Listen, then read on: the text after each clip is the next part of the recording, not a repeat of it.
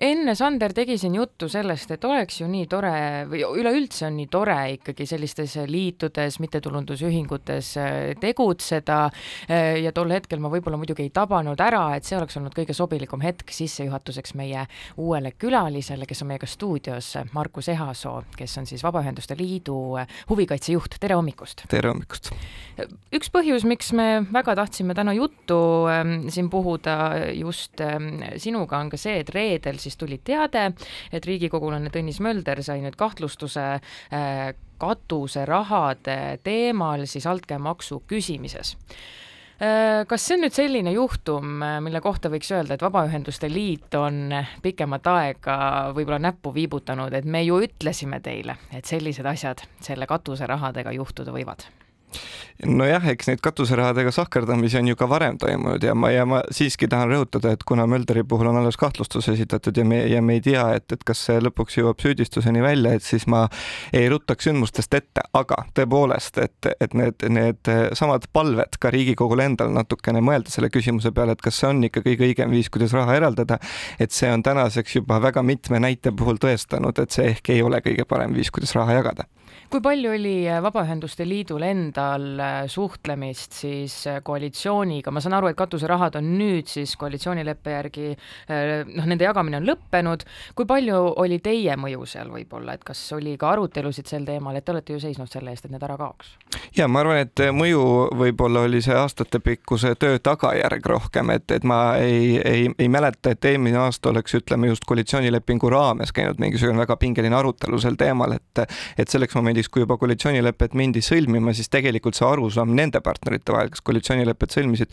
oli tol momendil juba olemas, et katuserahasid ei jagata. ja usutavasti üks põhjus, miks see ka nii on, on see, et tegelikult Reformierakond esimest korda kahekümne teisel aastal juba otsustas mitte katuserahasid eraldada. nii et nii-öelda suurim koalitsioonierakonna partner siis juba varasemalt ei ole ka seda teinud. oskate äkki tutvustada, miks need katuserahad sellisel kujul üldse on olemas, miks need sellisel kujul on jagatud? No ütleme, et kui ajalooliselt vaadata, et siis see, see katuserahade võib-olla nagu hüüdnimetus, sest ta tegelikult on ju regionaalsed investeeringud riigieelarves ja, ja, ja ütleme, sellised muud bürokraatlikud vahvad sõnad, et, et noh, reaalselt kunagi katuserahad tehtigi selle jaoks, et parandada katuseid ja renoveerida hooneid. riik oli vaene, piirkonnad lagunesid ja, ja siis leiti, et, et kui Riigikogu saadikud enda piirkonda saavad mingit raha viia, millega siis nii-öelda konkreetselt mingeid asju ära teha, et siis see aitab selle piirkonna elule kaasa. no tänaseks need summad võrreldes riigieelarvega on muidugi sellised, et, et, et see võib-olla lõppeesmärk on natukene küsitav, et miks kui meil on olemas kohalikud omavalitsused, kes peaksid vastutama ka kohalike nii-öelda kogukondade elu arendamise eest, et miks siis järsku üksikud Riigikogu liikmed hakkavad nagu nendest protsessidest mööda minema. et, et võib-olla tänaseks see toona õilis mõte eh, noh, ei ole realiseerinud selliselt, et saaks öelda, et see rahade kasutamine oleks kuidagi läbipaistev või, või lõppkok-, lõppastmes kasulik Need äh, katuserahad on nüüdseks ära lõpetatud, eks ole, aga no mis see klaaskuul võiks meile öelda, valitsused ikka ju vahetuvad, kas see võiks ka tagasi tulla, võib-olla on seda varem tehtud, äkki oskad öelda? Tähendab, nii palju kui mina tean, siis eelmine aasta oli või tähendab siis selle aasta eelarve on esimene eelarve, kus üleüldse katuserahasid ei ole.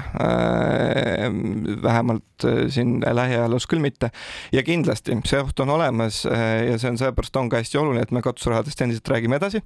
Äh, sest et loomulikult lõppkokkuvõttes katuserahade eraldamine on iga koalitsiooni otsustada ja teine asi, ka rahandusminister ju eelmine kord eelarvet koostades ütles seda, seda, et katuserahad lõpetatakse ära, aga äh, mõeldakse välja mingid muud regionaalsed investeeringud. ja täna me rahandusministri plaani ei tea, et kui, kui lõppastmes see uus meede on lihtsalt see, et muudetakse ära nimi nii-öelda, et üritatakse lihtsalt seda slängi ühiskonnast välja juurut-, äh, juurutada, et noh, siis tegelikult äh, me oleme selles samas augus tagasi, nii et noh, mina loodan küll, et poliitikud seda sammu ei astu, aga see tõenäosus on kindlasti olemas natuke Äh, uuesti sellest äh, võib-olla minevikust selles kontekstis, et äh, mäletan, kirjutasin ise ühe artikli Postimehes ja ma suhtlesin ka teie Vabaühenduste Liiduga ja pealkiri, mis ma siis toona panin, oligi midagi selles toonis, et riigikogulased tahavad hirmsasti katuseraha anda, aga vabaühendused ise võib-olla tegelikult nii väga neid ei tahagi.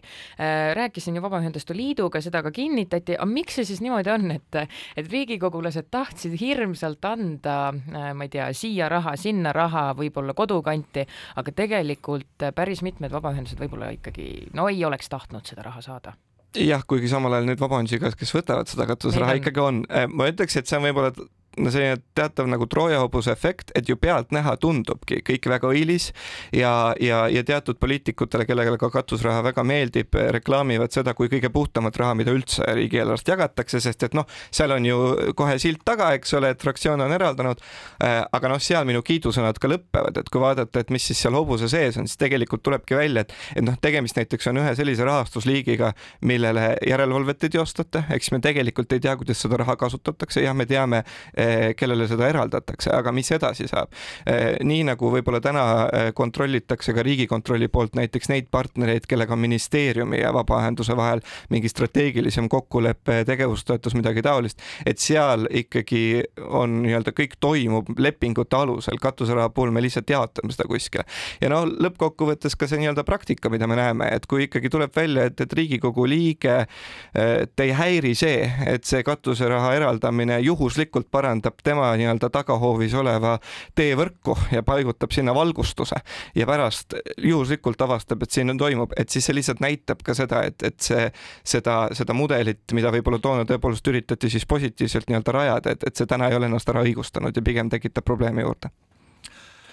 katuserahad on üks teema, mis äh, väga palju kirgi on ehm, kütnud viimastel aastatel, loodetavasti tulevikus enam siis mitte niivõrd palju, aga kuidas on äh, kuluhüvitistega, noh tegelikult on ju loogiline, kui poliitikul tekivad tegutsedes mõned kulud, siis need hüvitatakse. mida te arvate endast, kas kuluhüvitiste teema vajab mingisugust reformi, ümbermõtlemist, kuidas nüüd äh, siis noh, kat-, katta neid kulusid? Ta on keeruline küsimus sellest vaatenurgast, et ega vabaühendustel võib-olla siin mingit sellist üldist seisukohta ei ole, aga võib-olla, mis täna on piinlik, on ikkagi see, et, et, et meil on Riigikogu liikmeid, kes ka nende võrdlemisi vabade eelarvevahendite kasutamise juures endiselt ei suuda eh, neid eelarvevahendeid kasutada selliselt, et sellest ei tekiks mingisugust tagajärge ja küsimus eetikast ja moraalist, et siin me eelmine aasta teame mitut, eks ole, lugu, kus, kus tegelikult ka Riigikogu juhatus lõpuks pidi tõdema, et, et see, kuidas Riigikogu liikmed raha kasutanud on, ei ole võib-olla kõige õigem ma arvan, et see debatt on hästi vajalik, sest et ta mõneti on ka seotud selle katusrahade küsimusega, seepärast et lõppastmes ju eh, suur osa nendest kuluhüvitistest ja katuserahadest on suunatud ikkagi sellele, et, et siis poliitik saaks kuidagi enda profiili eh, tõsta neid kulutusi tehes, olgu see siis konkreetses piirkonnas mingisuguse äh, rahva kõnetamine, eks ole, ja sealt noh, ütleme mõnes mõttes ka häälte ostmine, aga teisest küljest võib-olla nii-öelda pooside võtmine, et näete, et ma siin kasutan riigi raha, ma teen selle riigi raha eest neid ja neid asju ja ja, ja nüüd tänage mind, et ma olen, ma olen nõus, et see kindlasti väärib debatti, aga ma ei tahaks siin täna öelda nagu seda, et kas need peavad olema või mitte. Markus Easoo, te olete mm, noor inimene, tegelete siis kodanikuühiskonnaga ja see pakub teile huvi, ühiskondlikud teemad on teile südamelähedased. miks te poliitikasse ei lähe? kas poliitika tõmbab üldse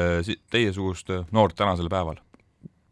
Ta kindlasti tõmbab ja selles mõttes poliitikaga ma ju tegelen, et ma lihtsalt tegelen erakondade üleselt sellega. Aga.... Äh, jah,